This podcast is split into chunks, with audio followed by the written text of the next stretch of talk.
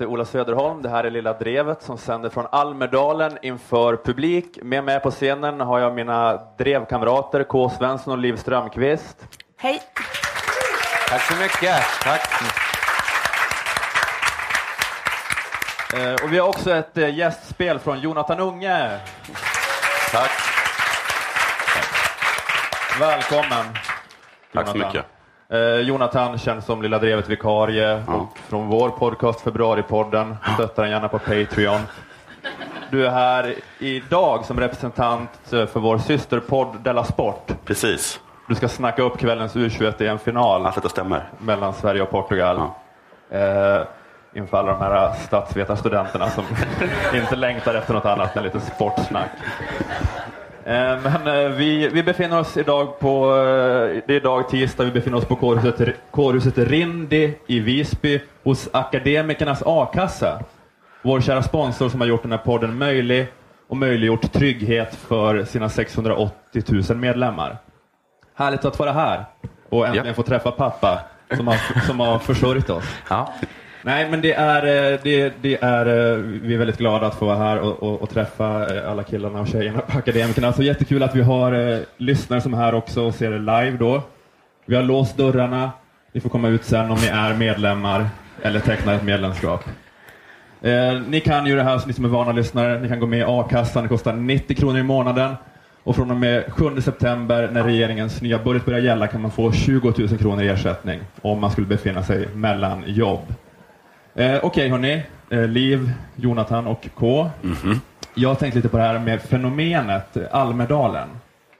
Jaså? Vad fick dig att tänka på Almedal? Nu ska det spanas här. Ja. Nej, Jag är inte först med den här spaningen, men det jobbigaste med Almedalen, det är ju hur det fullkomligen dränker en sociala medier-flöden. Alltså Almedalen gör något med folk. Alla känner att de måste berätta om att de inte är här. Eller hur? Det är varannan tweet i mitt flöde. Meddelande till er på Almedalen. Vi bryr oss inte! Tror ni att vi bryr oss om Almedalen? Haha, tji fick ni, för oj vad jag sitter här och inte bryr mig. Så är hela mitt flöde. Era också kanske. Ja. Men det har aldrig hänt att någon har stannat hemma från Almedalen och sen inte twittrat om det. Det är liksom helt omöjligt att låta bli att åka till Almedalen och hålla käften om det. Alltså den delen av Sverige som inte är Almedalen under Almedalsveckan. Vilken jävla ankdamm. Vidrigt att se hur makten och de som är satta att granska makten frotterar sig med varandra i en rundgång av tweets om hur lite de bryr sig om Almedalen. Eh, Men det jag, det jag vill komma till är ju att det finns ett så här starkt eh, Almedalen-hat bland många. Har ni märkt det? Att folk är så här, Ja. liksom så här instinktivt negativa. Bara känner så här, Ja. Kroneman har ju alltid sin krönika klar. Ja, verkligen. Ja. Det, är, det, är som bara, det är som han, han reagerar med magen och bara hatar det. Och det är alltid så lite diffust.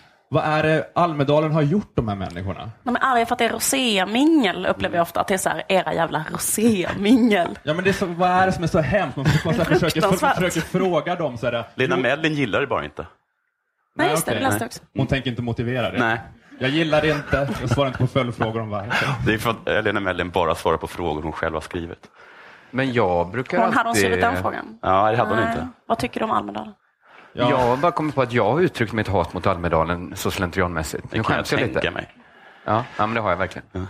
ja, men livet går vidare. Ja, det är som att ha varit nazist när man var 19. Eller? Ja.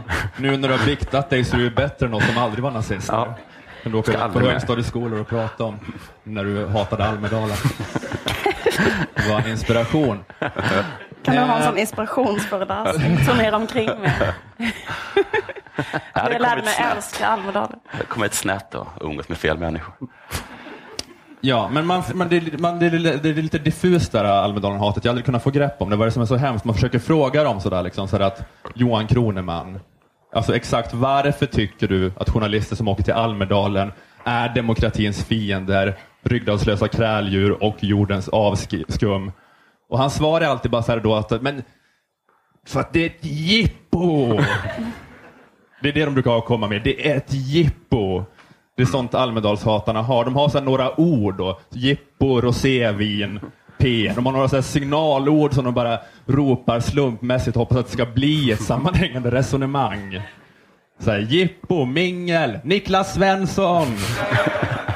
Fattar ni vad jag menar? Ja. Kommer du gå över på andra sidan nu och vara för Niklas Jag tycker det låter, eh, jag tycker det låter jobbigt att de tre orden tillsammans. Ja, man blir faktiskt arg när du säger det. Det är som att Ja, ni bli... behöver inte mer alltså. Ni, ni är på team Johan Kroneman. Ja. Men jag, behöver, jag behöver inte bli stalinist bara för att visa hur lite nazist jag är. Någon måtta får det vara. Men, eh, ja, men menar, för vad är Almedalen? Alltså det är massa makthavare, det är journalister, organisationer och det är typ tal och debatter och intervjuer och samtal. Mm. Det är väl så fint om man är en sån som går igång på den här typen av demokrati. Eller vad, vad fan ska det vara? Vad Ja, tänker men det man är att det väl ska att folk vara? äcklas av att folk är kompisar med varandra? Eller? Ja, men, Har du inte någon liten invändning mot det? Att men varför är de kompisar? De går runt på samma geografiska plats. Varför hatar inte folk i riksdagen då? Oj, det är journalister och makthavare på ungefär samma ytor. Igår var jag på samma, skiten. igår var jag på samma systembolag som Gustav Kasselstrand och William Hane. Och Före idag... Och de köpte nio plattor cider. Det är skönt för dem. Det är väl, de har ju haft en jävligt stressig vår så det är skönt att slappna av lite. Ja, men jag var så här, ja men ja. Men och vad har det här skadat dig då? Är det någon slags vänskapskorruption? Nej, men det är det jag menar. Så här, det, du- ska, det blir väl inte en vänskapskorrektion. Så vi stod vid olika så här, Systembolagets kassor och jag såg att de ehm, förberedde för att nyrekrytera bland grupper som inte vi kan tycka att öl smakar illa för de är så små. Eller? Kan det inte vara bra att, att folk springer runt på sån här mingel? Och så får, det kanske liksom tar bort lite av fernissan eller glansen hos vissa människor. Man kanske ser upp till Niklas Svensson och så ser han någon han har druckit tre flaskor rosé tafsandes på någon assistent. Eller någonting sånt. Att man kanske inte, du kanske vågar, du kanske inte har så stor respekt för Carl Bildt när han, han liksom för tredje gången tappat en tapas på sin slips. Att det är på sätt ta bort det, de är bara människor och ganska vidriga människor. Ja men precis, det är, det är också ett argument för, för min sak. Kan du att det är så jävla farligt. Det är för Eh. dåligt ölsinne han har.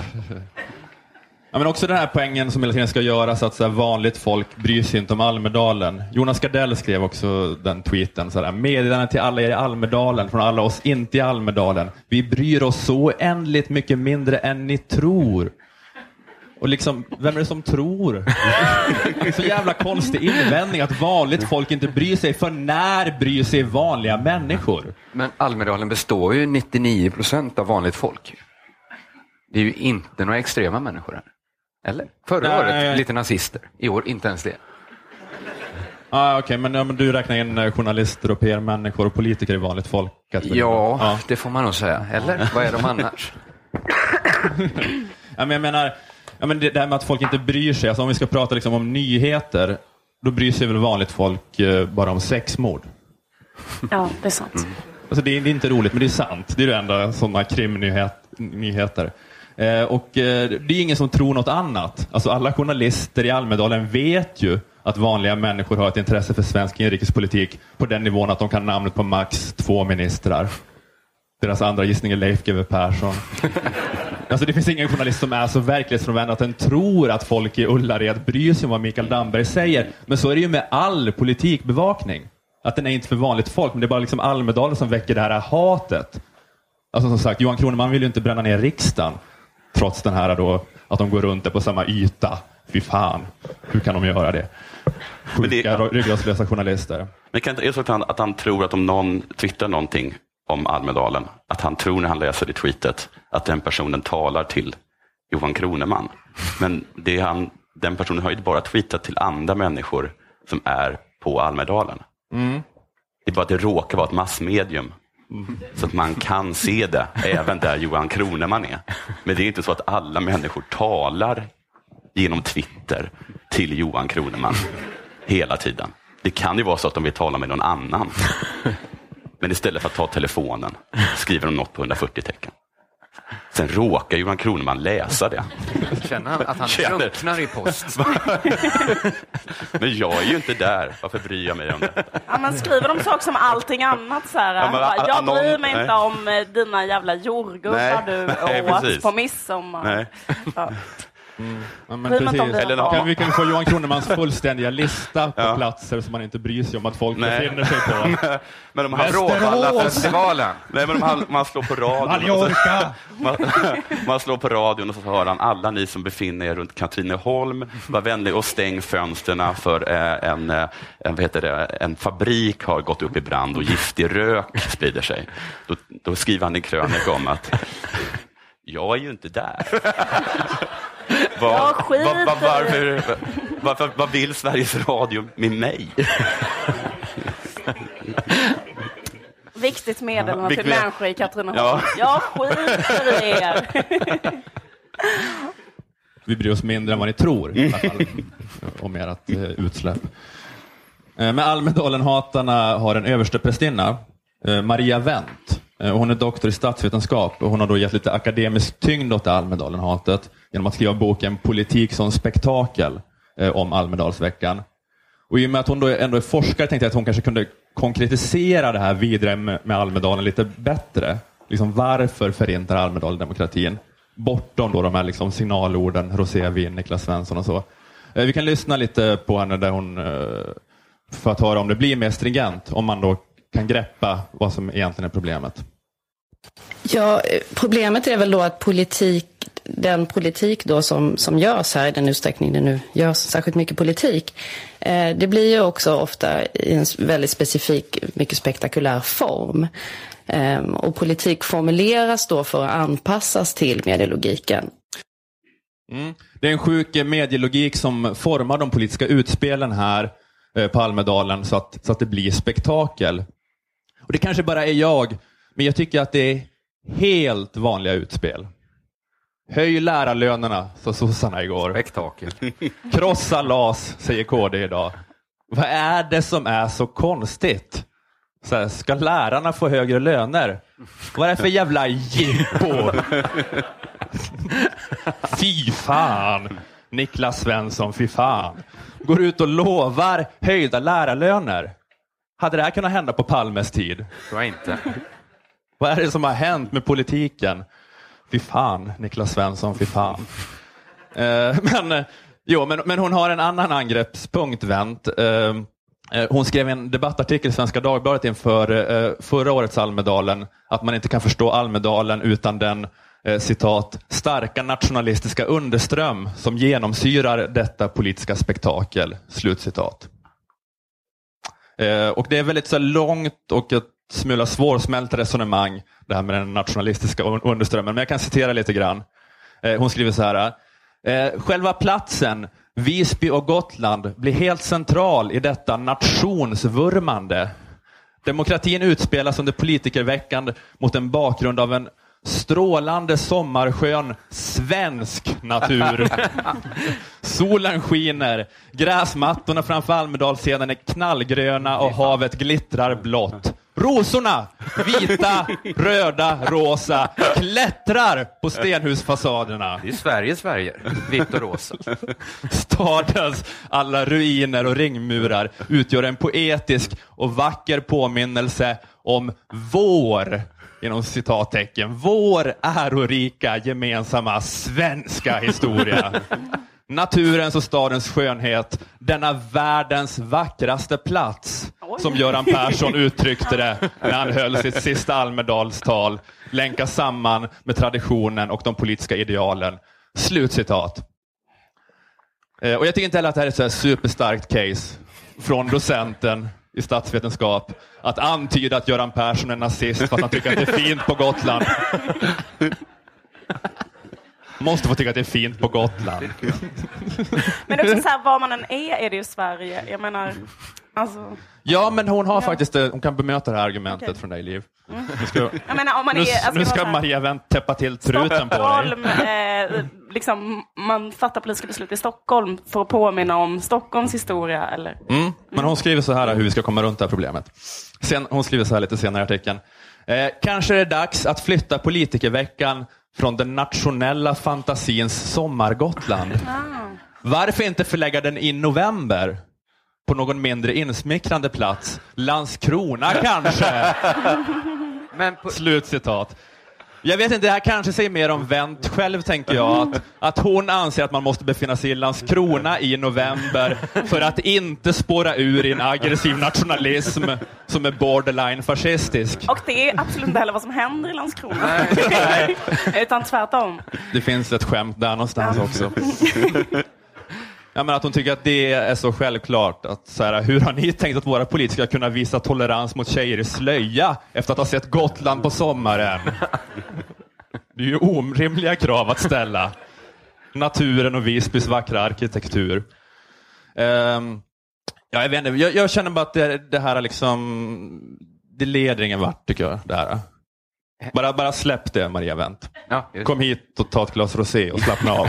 ja, var lite jävla glad.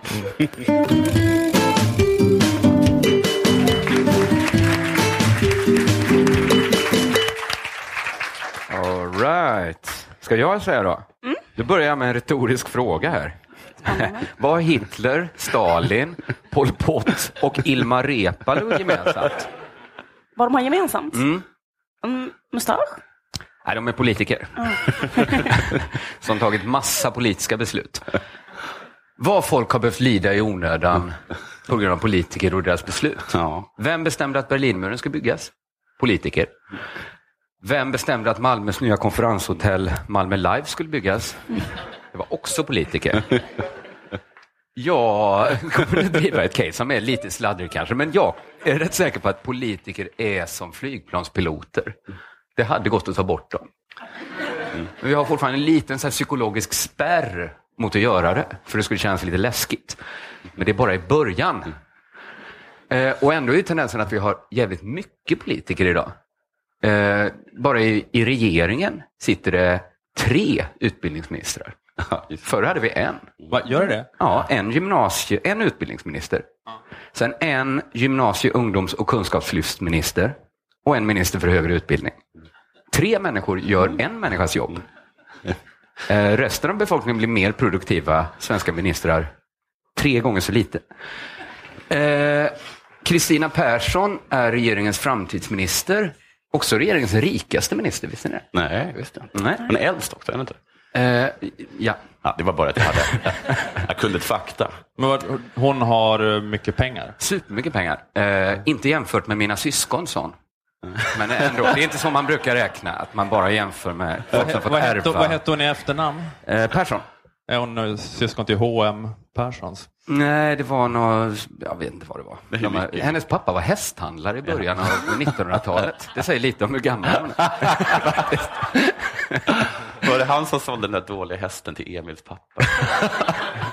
Den såg också fin ut i början. Ja, ja så, det vilar hennes förmögenhet på.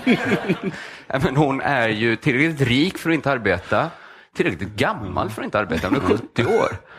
Eh, Men hon gör heller inget jobb alls, har det kommit fram. Eh, Jag läste det i DN nämligen, och det måste man kunna lita på.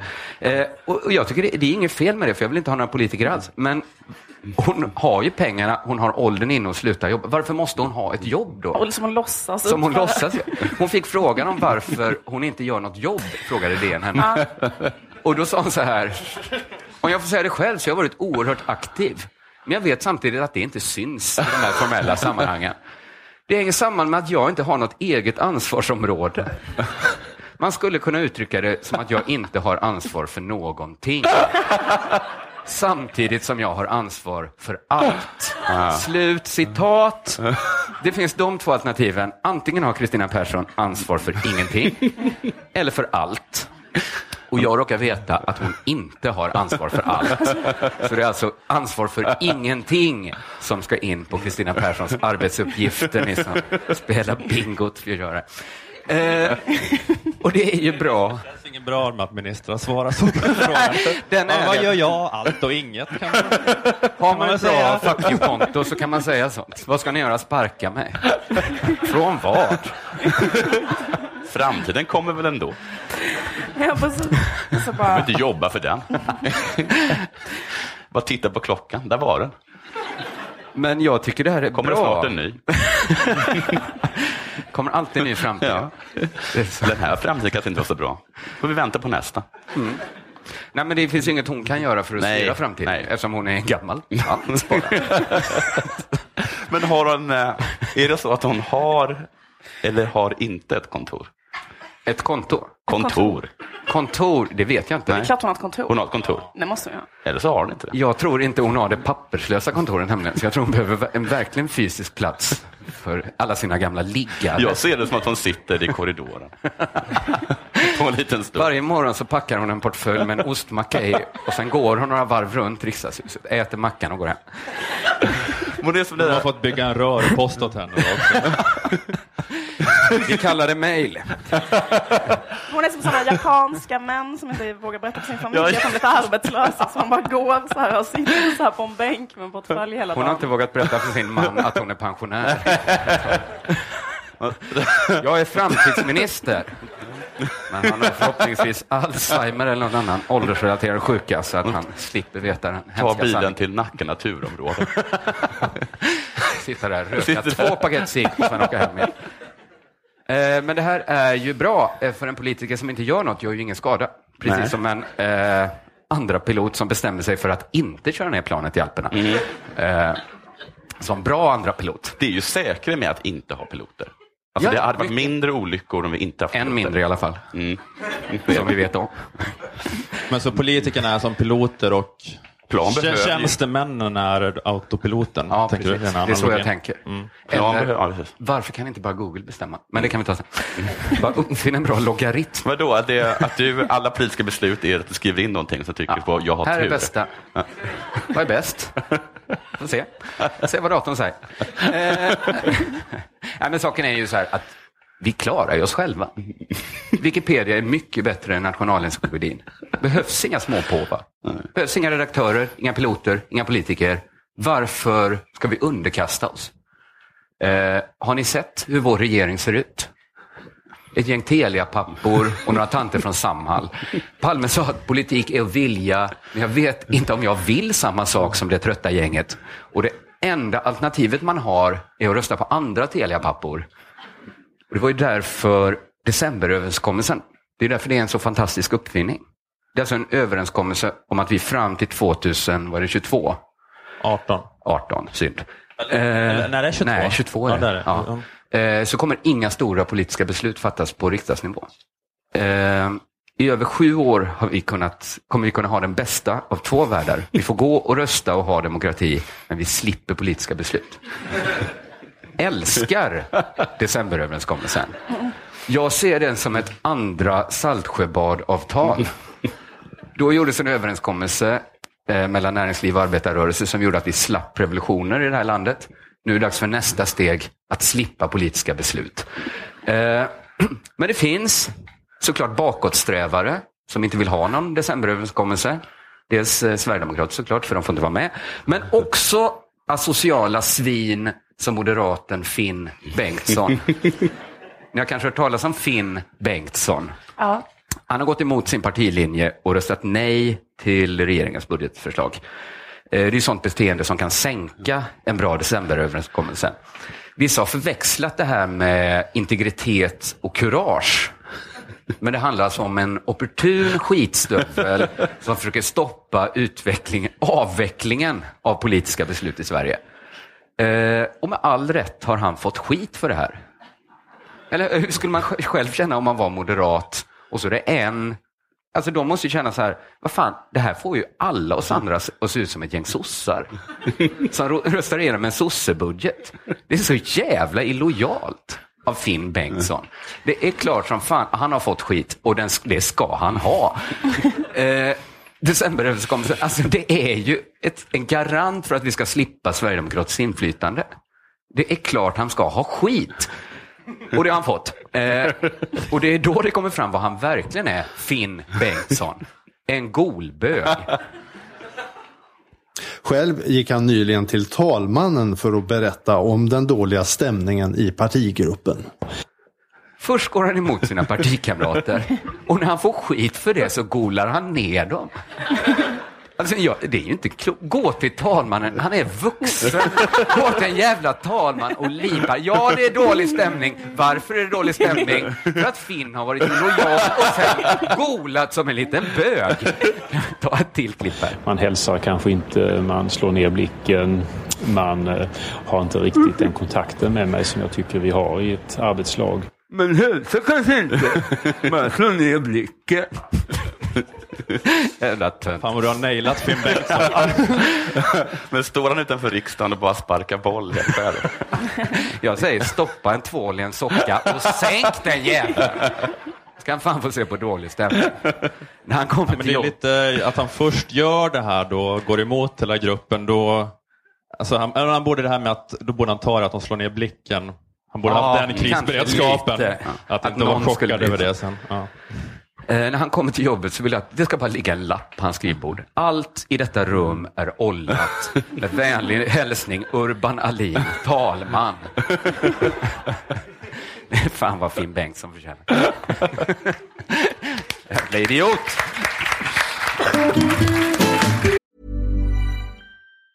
Tired of ads barging into your favorite news podcasts? Good news. Ad-free listening is available on Amazon Music for all the music plus top podcasts included with your Prime membership. Stay up to date on everything newsworthy by downloading the Amazon Music app for free or go to amazon.com slash news ad free. That's amazon.com slash news ad free to catch up on the latest episodes without the ads.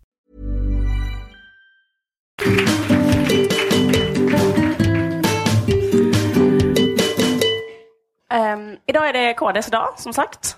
Och eh, Sara Skyttedal, som är eh, ordförande för ungdomsförbundet, som ska hålla ett tal idag 18.45. Eh, hon är känd för att hon, eh, kanske framförallt under det senaste året, har gjort flera väldigt så här, uppmärksammade utspel om eh, begränsad invandring, hotet från islam och så vidare. Eh, en vanlig eh, uppmuntrande kommentar på hennes Twitter är att hon är nästan lika bra som Jimmy Åkesson. Det är flera som skrivit. Jimmy Eh. med äggstockar. Eh, Men eh, Sara Skyttedal är också känd för att hon har medverkat i Fröken Sverige-tävlingen 2006. Jaha, har hon? Fanns det fortfarande då? Eller finns det fortfarande? Eh, ja, men jag tror att den pågår mer så här på internet. den, eller en sån baddräktskungs eh, Hem, kontor. hemma. Jag visade, visade upp mig för Panos. Den, den Han pågår bara hemma hos han gillar- Panos. Han gillar vad han såg. Skulle inga ett gott ord för mig. Men jag tycker det är spännande här att hon har medverkat i den här tävlingen då. Panos sa att jag vann. Han tänkte efter, kom fram till ett beslut. Eh, jag tänker på det här momentet där alla de tävlande står så uppställda i aftonklänningar på en lång rad och får svar på olika frågor. Till exempel frågan så här, uh, vilken är den, din högsta önskan? Och så tänker jag att alla de andra Fröken Sverige säger så här, uh, fred på jorden. Står Sara Skyttedal där och säger att utvisa alla EU-migranter från Sverige. Till exempel. Eller, Juryn tittar på varandra. Skriv en siffra. Är det bra eller dåligt? Är det bra eller dåligt? Eh, eller att det var en annan fråga, typ så här, eh, eh, vad är hemma för dig? Eller vilket är ditt smultronställe? Eh, Sara Skyttedal säger, inuti en israelisk stridsvagn. eh, eh, hon ska visa upp en talang. De andra kommer in där, kanske gör en steppdans, eller vad de nu gör. Eh, Sara Skyttedal bara går in på scenen rakt av, bränner upp Koranen. Koranen ligger på ett litet bord. Hon kommer in med en sån eldkastare. Bara skjuter ut en sån 100 meter lång så här eldpelare som förintar Koranen och bordet som är en sån askhög. Jag tänkte att bordet var helt eh, orört. Ja okej, ja ja, så. Ja. så. Man får hoppas att juryn gillar farliga tjejer. Juryn sitter ju så här. Så går man bra i baddräktsmomentet. Men det här tyckte jag var lite konstigt. Vad ska vi säga? Ehm, hon får komma på plats 12. Eller något sånt där. Var det det hon kom? Hon kom bland de 15 bästa. Så det var ju, hon var bra på vissa delar tydligen. Jag vet inte, vad, jag vet inte hur det var. Nej, jag var inte heller med. Nej. Men eh, Sara Skyttedal är ju också känd för att hon eh, för ett tag sedan skrev en debattartikel som publicerades i Metro med rubriken Den som får asyl borde vara tacksam mot Sverige. Mm. Läste ni den? Mm. Eh, Hon som politiker gick alltså ut i Metro och liksom krävde att känslan tacksamhet skulle finnas inuti bröstet på de nya medborgarna. Väldigt speciellt känner jag att driva det som en politisk fråga. Liksom att vissa känslor ska finnas inuti vissa människor. Eh, Jag tycker liksom att det resonemanget öppnar upp för en helt ny falang inom politiken. Eh, eller kanske inom KD. Eh, som man kanske skulle kunna kalla för psykfalangen. Ehm, Det är alltså politiker som inte vill bestämma hur samhället ska vara utan istället vill bestämma hur människors känsloliv ska vara. Eller i Sara Skyttedals fall så är det att både bestämma hur samhället ska vara samt vilka känslor som ska finnas inuti bröstet eh, på de människorna som trippar omkring in i, sam- i samhället. Politik är att vilja. Ja. Men det är politik är att få folk att lyda, bara inte, inte bara i handling utan också i känslor. Det är som- Jag vet inte om det det är som- är politik. Eh, Eller liksom... Nej, jag, jag försöker sätta mig in i, i din hypotetiska Sara Skyttedal här. Ja. Eh, Men här, men, men att det handlar om det, det slutet av 1984, att eh, Big Brother har vunnit, inte när man lyder Big Brother utan när man älskar Big Brother. Ja, Att det är det som är hennes precis. ideal. Ja, eller att det är liksom... ehm, men den, här ta- ja, nej, den här tanken om att invandrare ska känna tacksamhet, Mm. eh, inte den, eh, nu kanske jag är ute och går på en, på tull linje, inte det chilenarnas fel? Lite tunt var det. ehm, Fortsätt utveckla. För att man jag känner att jag behöver ha mer. Hoppa Jag kände, på. jag kände att jag behövde hämta en kofta när du sa det. På grund av temperaturen i rummet. Men jag har inte, jag har hört att chilenarna alltid kände en himla tacksamhet mot, eh, mot Socialdemokratiska arbetspartiet, att de fortsatte att röst, rösta på sossarna, fast de kanske inte riktigt hade de åsikterna. Det. för att de ansåg liksom att de hade tagit tydlig ställning mot Pinochet och liksom kom, låtit komma, kommit dem hit. Inramat foto på Palme får sängen. på Palme. Ja. Jag säger ingenting mer än så, men Ja, men det kan vara så. chilenarna, ta en titt i spegeln. Ja, men jag tycker liksom att så här, det är en sak att uh, känna någonting, bla bla bla. men men jag tycker att det är en helt till- annan ja. sak, eller inte tvinga, men Ja. att liksom driva en politisk opinion som går ut på att man debate- debatterar eller argumenterar för känslor. Känns inte bara som en uppgift som eh, eh, liksom eh, kanske främst eh, är en uppgift för en galen diktator i en totalitär regim, men det känns också, tycker jag, som en svår uppgift. Eh, därför att det är ju det är svårt att bestämma, tycker jag, bara vilka känslor man själv ska ha i sin egen kropp. Man vill vara glad. Ja, man vaknar en vacker sommardag bredvid sin pojkvän. Solen skiner in genom fönstret. Borde vara glad. Aj, aj, är inte aj. det. Känner bara apati. Tomhet. Varför kan jag inte vara glad? Ja. Nu vill jag hämta en kofta, Ola. Eh, Vill jag hämta en kofta? All, vad är det som är fel? Kanske är det att allt är för bra nu. Går runt i t-shirt och är trött. Veronica Du är slut på Maggio. eget manus nu. Veronica Maggio går runt i t-shirt och är trött. Det är en underbar morgon. Liv har sökt på Veronica Maggio lyrics här på Google. Det är en underbar morgon men Veronica Maggio grips ändå av melankoli. Varför då? Jo, för det är för bra nu. Det är för bra nu. Hon känner sig sorgsen. Ja, den känslan kan känna, känna igen i, men den känslan får, får hon inte ha. Eh, Veronica Maggio för Sara Skyttedal. Om hon hade varit nyanländ, hon nu får hon ha den. Jag vet inte var hennes pappa kommer ifrån. Får de nyanlända känna för mycket tacksamhet så att de mår dåligt av det? Alltså måste, det måste vara glad tacksamhet eller räcker med tacksamhet? Man vill inte att de ska känna så här kletig tacksamhet som tillgivna hundar. Jo, det tror jag hon lust vill. att sparka på dem. Jag tror att hon vill goa med så här högklackade skor på en sån naken hög med tacksamma flyktingar. Det är bara vad jag tror.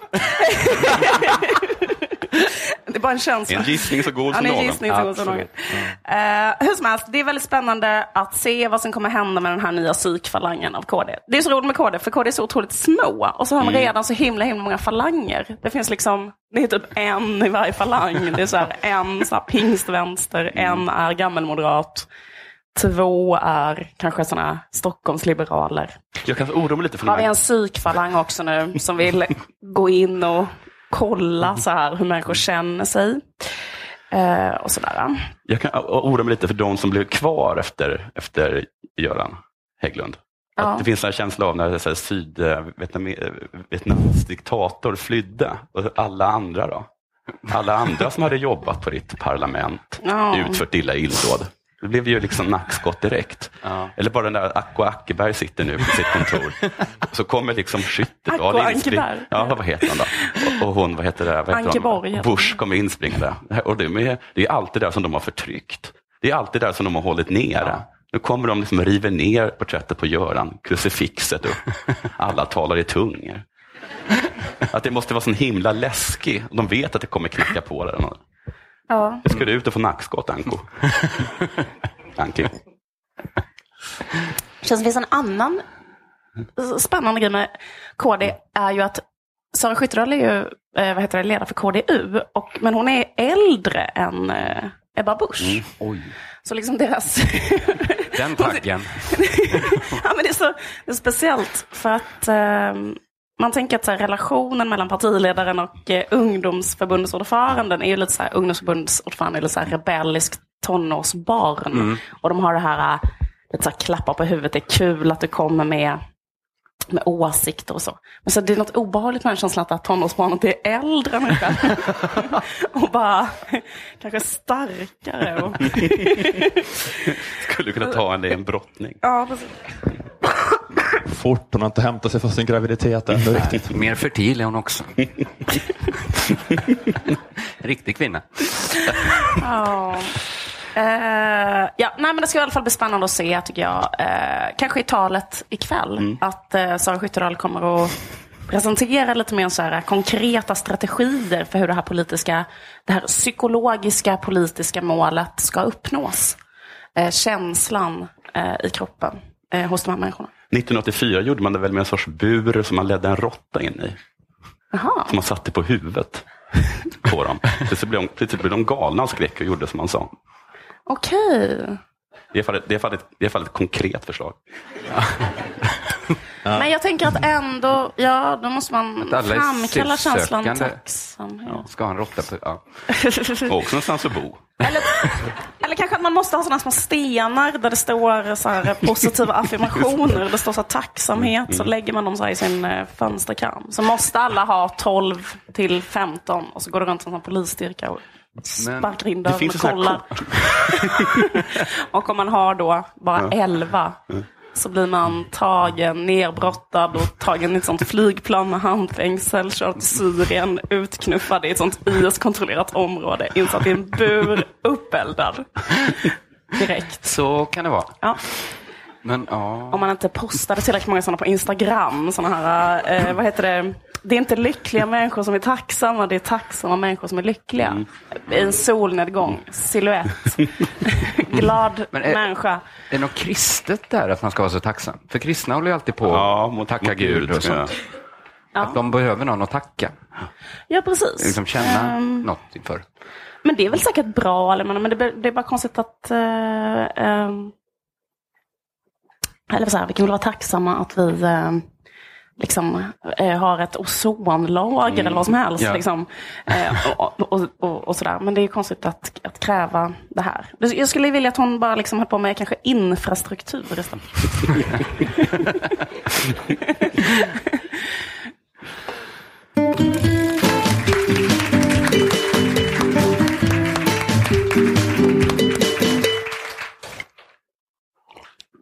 Ja, nu dummar vi ner det lite. Nu ska vi tala om U21-EM i fotboll. Ja, Eh, oj, det går ett sus inom publiken. Får jag gå? Nej, du får inte gå. Du får stå där och lida, som jag har gjort över, under era prator. Hata politik och satir. Ja.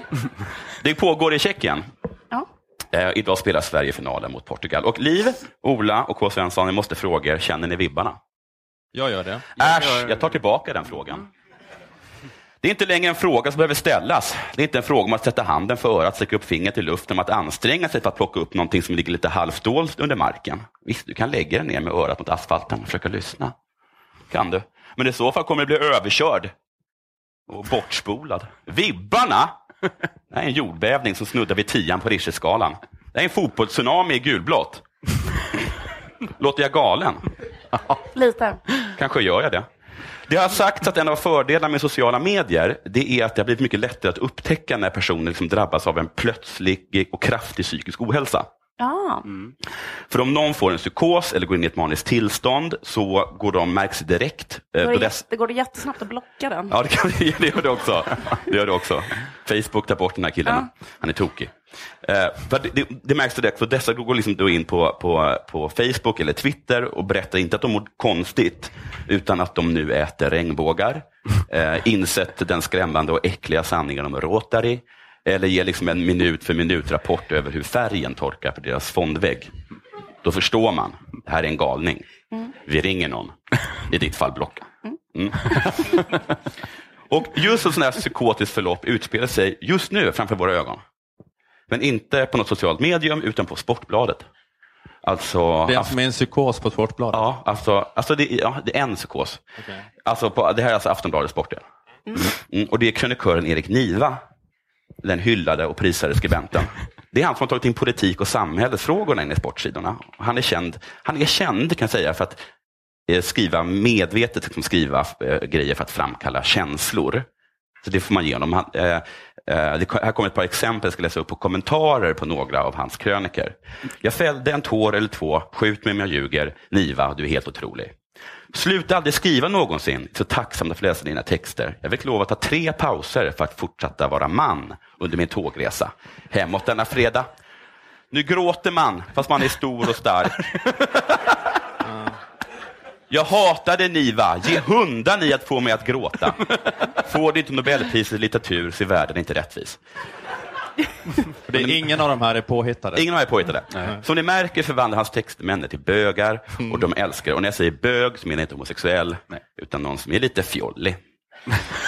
Bra, Eh, men- du tog dig ur den knipan.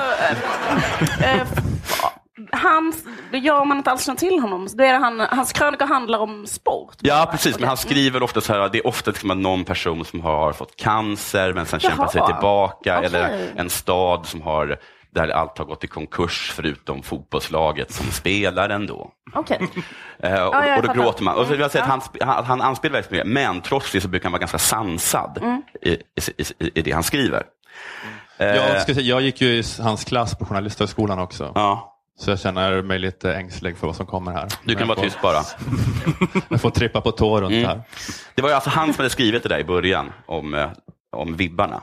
Nu är ett överdrivet språk något som hör till bevakning av sport. Det är det som är problemet. Det är inte alltid så lätt att se om en sportkrönikör har fått en psykos. Eh, För att det, bara, det funkar oftast. Det är det, som är problemet. Men så här hysterisk har ingen varit i text tidigare. Skulle jag påstå. Som han har varit under sina han varit under, Han gjort han är, jag krönikor tror att han är på väg in i typ en manus. Ja, för de, de, de kommer igång. Så. Tonen i, här, i de här, hans krönikor, liksom, de skruvas upp efter varje liksom, seger Ja. under det här mästerskapet. Och det är också så att Niva verkar vara fullt medveten om det. Men på det svarar han så här. Ni kan hänga mig i vristerna och mana mig till både lugn och eftertanke. Ni kan påpeka att det här är bara ett juniorlag och att det är en ny match på lördag. Jag har varken tid eller lust att lyssna. Ursäkta mig, men jag kysser himlen. Han är likgiltig inför kritiken. Han kysser himlen. Det är också bra, jag ska börja Inte använda så, det. utan så Bry mig inte, ursäkta mig. Mm. Kysser himlen. Mm. Fan vad glad jag är. Jonas gick ut på terrassen och gjorde en slängkyss Ja. mot skyn. Eh, just det. Just det. Eh, han, är också, ja, precis. han skriver också det finns en absolut risk att sväva iväg i sitt omdöme och sedan känna sig lite löddrig morgonen efter.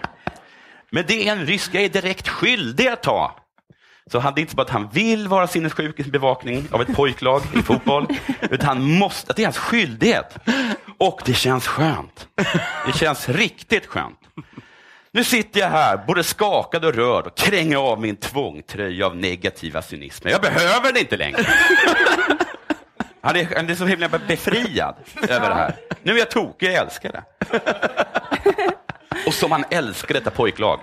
Han älskar det. Han älskar och han förundras över det.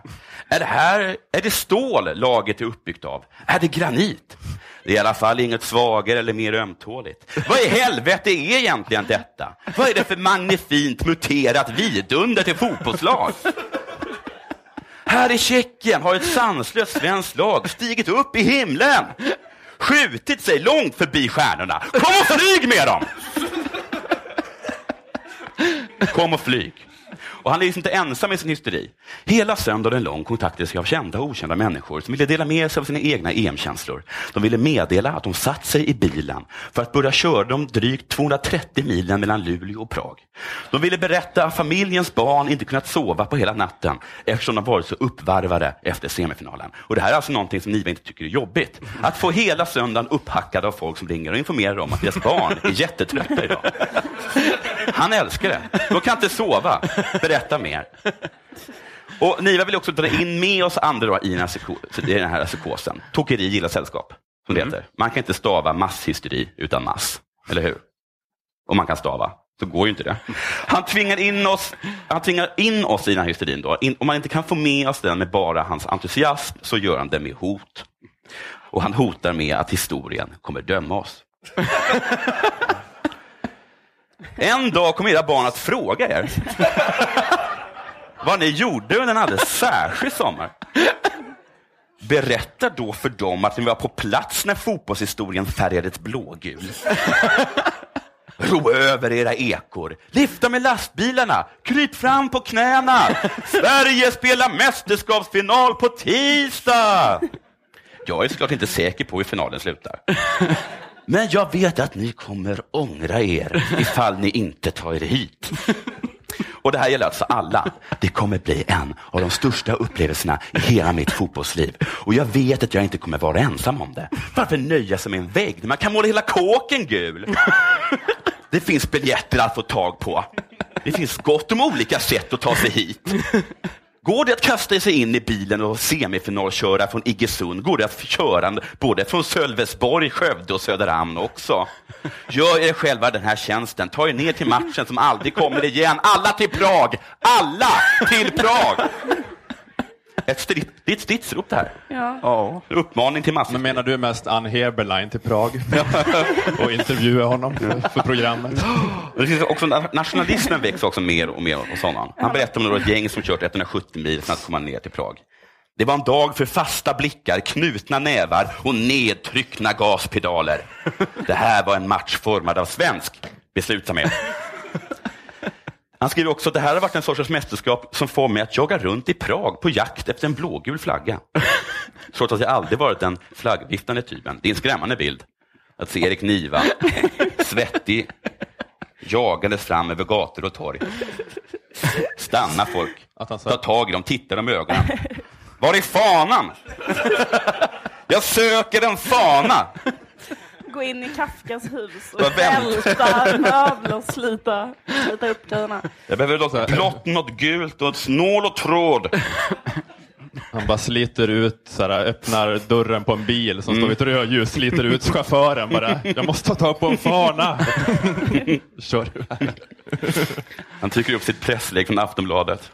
Det är okej. Det är okej. från Sverige. Han, I sin senaste krönika frågar han, om jag får se Sverige vinna en final så kan jag dö lycklig? Frågetecken. Det är en retorisk fråga. Det är klart han kan. Det spelar ingen roll om han drabbas av ett dödligt pungbråk. Barn kan komma och dö i plötslig död, spädbarnsdöd. Det spelar ingen roll. Han kommer dö lycklig om, vi kommer, om han vinner, om vi vinner. Oftast är det som man brukar säga att åh, vad heter det, medierna? Det är medierna som piskar upp hysterin. Här är det ju liksom mediumet som, som piskar upp det. Och troligtvis kommer hans, eh, om det nu, förhoppningsvis jag kan det inte detta, eh, att Sverige vinner, så kommer vinstkrönikan eh, bara bestå av svensk nationalsång. Skriven i Erik Nivas blod. I runskrift. Inhugget på ett granitblock. Nu är det ju tyvärr så att han troligtvis inte är galen. Det är det som jag faktiskt tycker är sorgliga i det här. För det här är ett fall där man verkligen, verkligen önskar att någon har varit galen. För det är liksom den enda chansen att komma undan med någon sorts värdighet. För han kommer att vakna upp lite löddrig snart och förstå att allt det här som han och hans gelikar, Simon Bank och Olof Lundsson, att de försökt bygga upp sportjournalistiken till någonting värdigt, till någonting med lite djup och substans, som säger nej. Vi är inga flaggviftande galningar. Vi är inga idioter som bara hejar för hejandets skull. Vi har något att säga. Vi har något att granska. Och han kommer upptäcka att allt detta är förstört. Nu är ni precis som ni alltid har varit. Han kommer känna sig lite löddrig. Och då, vad ska han då ta till? För det finns liksom gränser för vad man kan komma undan med, genom att säga att man är, att man var så himla himla glad. Du har förstört allt, jag vet. Men jag var på ett toppenhumör. Om ni visste hur glad jag var, tror jag att ni skulle förlåta mig. Läs mina kröniker. Det framkommer att jag var himla himla glad. Var det värt det? Kanske det var. Ja, jag oroar mig för Erik Niva. Och tycker också att hon har visat sitt rätta ansikte. Ja, tycker det är härligt. Tar tillbaka guldspaden. Den ger vi till folk med värdighet. Han fick väl den? Eller var det han fick det? Guldskrivpennan? Årets journalist. Jag vet inte. En jävla medryckande krönikor i alla fall. Kung. Jo, visst Kung fan vill man till Prag? Det vill man. Ja.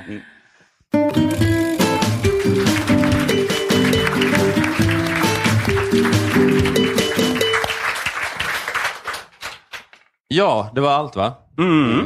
Det är ingen som har något att tillägga. Nej, nej. Vi säger eh, tack Jag är igen. tom. Till... Vad sa du? Helt tom jag. Ja, det förstår jag efter den här urladdningen. Jag, eh, ja, vi säger tack igen till Akademikernas a-kassa. Ja, verkligen. Tack. Att vi fick vara här. Och, De att, får gärna sponsra Della Sport. och eh, De ska ta det lite försiktigt med hur många andra poddar de sponsrar. tycker jag. Det känns som att ni är inne i en manisk fas som att podda. Det är Bara, ehm, Lite sten i glashus. Va? Eller? Vi har exakt lika många poddar som du. En varje Alltså, Jo, jag är är värre. du Jag är är värre. Vi kan inte stå här hela dagen och guilt-trippa varandra om hur många poddar vi har. Ja, så Två ni är i Almedalen. Här angår dig Johan Kroneman. Jonathan har för många podd här. Jag skiter i hur många sig? poddar du har. Stå här och Ja, ja. livepoddar. Fy fan. Ehm, ja, men eh, gå gärna med i Akademikernas a-kassa. Det är ju de som gör den här podden möjlig och massa andra bra grejer. Eh, vi eh, är, uh, nu kommer vi släppa ett par samlingspoddar igen. Kommer Mm. Stora K Svensson-podden och Stora Liv Strömquist-podden kommer komma. Sen så börjar vi göra vanliga poddar igen eh, framåt uh, slutet av augusti kanske. Något sånt där. Något sånt. Eh, Okej, hashtag Lilla Drevet. Tack kära publik för att ni kom hit. Tack så mycket. Tack så mycket.